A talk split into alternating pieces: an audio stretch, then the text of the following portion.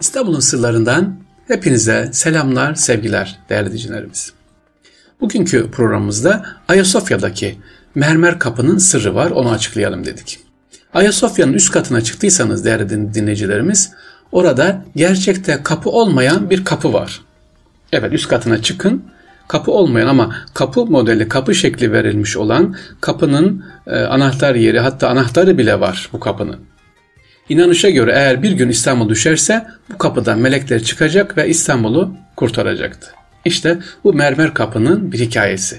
Nasıl böyle olmuş, niye böyle yapılmış? Yolunuz düşerse inşallah Ayasofya'ya gidersen üst kat açık olduğu zaman sabah namazlarında kapalı ama üst kata çıkarsanız değerliciler bu kapıyı görürsünüz. Halen duruyor.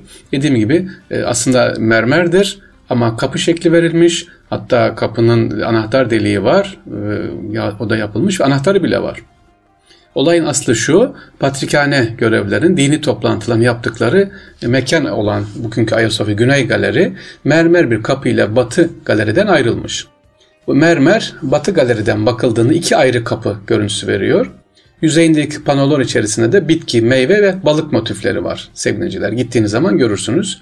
Mermer kapının bir tarafının cenneti, diğer tarafının da cehennemi temsil ettiği söyleniyor. Kapıdan içeri girdikten sonraki mekan Patrikhane mensuplarının dini toplantılar yaptıkları, önemli karalar aldıkları ve aynı zamanda Ayasofya'nın imparatorluk kilisesi olma sebebiyle devletin din işleriyle ilgili kararların alındığı bir mekan olarak üst kat kullanılmış. 1166 yılında İmparator Manuel Komnenos döneminde Sinod Meclisi'nin de burada toplandığı bilinmektedir. Toplantı sonucunda alınan kararlar mermer levhalara yazılarak dış narkesin yani duvarına asılmış. İşte bu Ayasofya'daki bu mermer hikayesi başka bir hikayede gelende eğer İstanbul düşerse buradan melekler çıkacak ve İstanbul'u kurtaracaktı ama dediğimiz gibi öyle olmadı. Gittiğiniz zaman Ayasofya'da bunu görebilirsiniz. Bana sorulan bir soru da buydu. Bir diğer konu seviniciler Ayasofya'daki o terler dilek işte hocam elimizi oraya sokalım mı diye. Hayır e, seviniciler o bir hurafedir, o bir hikayedir. Oranın elini sokmayla işte hatta kuyruğa giriyorlar. O kadar kuyruk var ki sevgiliciler ne olacak? Oraya elimi sokacağız. Bunun dinle alakası yok. Bir folklordur. O bir bilgi işte öyle söylenmiş. Dediğimiz gibi dinle alakası yok. Ee, onun döndürecek veya e, oraya dokunduğumuz zaman farklı şeyler olacak diye değil. Sadece bir mitolojidir, bir bilgidir. Ee, bunu da öyle bilmek lazım. Bir diğer bilgi sevgiliciler sorduğumuz sorulardan Peygamber Aleyhisselatü Vesselam'ın Elize'nin bulunduğu kilise diyorsunuz. Bunu daha önce de anlatmıştım. Bu Turusina Kilisesi Rahip Bahiran emanetidir. Kilise İstanbul Patrik'ine değil halen Sina Baskonsu'na bağlı olarak kaynaklarımız söyleniyor. Hz. Muhammed sallallahu aleyhi ve sellemin elini temsil ettiği şifahen belirtilmiş. Kapı üstünde duruyordu bu kilisede üstünde.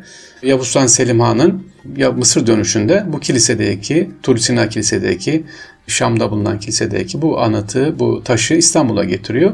Bu taş şu anda İstanbul'daki Patrikhane'de muhafaza altına alıyor. E nedir bu peki Peygamberimizin elizi ya da elizini sembolizesi? Bir teşekkürdür bu. Peygamber Aleyhisselatü Vesselam hicretin ikinci yılında kendisini gelen e, manastır papazlarına, turisine gelenden gelen manastır papazlarına bu rahip Bahiran hatırına dönüşte onlara bir emanname veriyor. Yani dokunulmazlık veriyor. Ola ki kilisenize bir zarar gelmesin. İslam e, o kadar gelecek oraya. E, kiliseye zarar gelmesin diye daha sonra Yavuz Sultan Selim bunun üzerine işte o rahipler, papazlar peygamberimizin el izini sembolize ederek kilisenin kapısına asıyorlar bu emannameyi.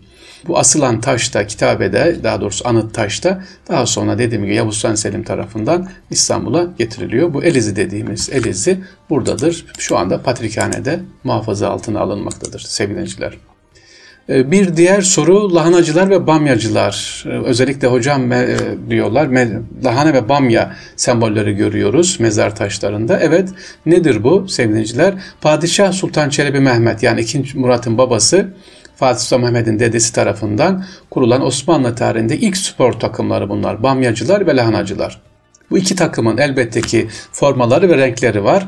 Lahanacılar yeşil, bamyacılar da mavi katifeden elbise giyerlerdi. Peki neden lahana ve bamya derseniz eğer şehzadeden eğitim gördüğü yer Amasya olduğu için o yörenin en çok yetişen iki sebzesi lahana ve bamya olduğu için takımların isimleri lahana ve bamya olmuş. Tabii saray tarafından desteklenen hatta padişahların bizzat oynadığı ve takım tuttuğu lahanacılar ve bamyacılar öldüklerinde bile mezar taşlarına lahana ve bamya sembolü koyuyorlar. Peki bunlar ne takımı derseniz cirit takımı sevgiliciler. Cirit yapanlara cündi deniyordu.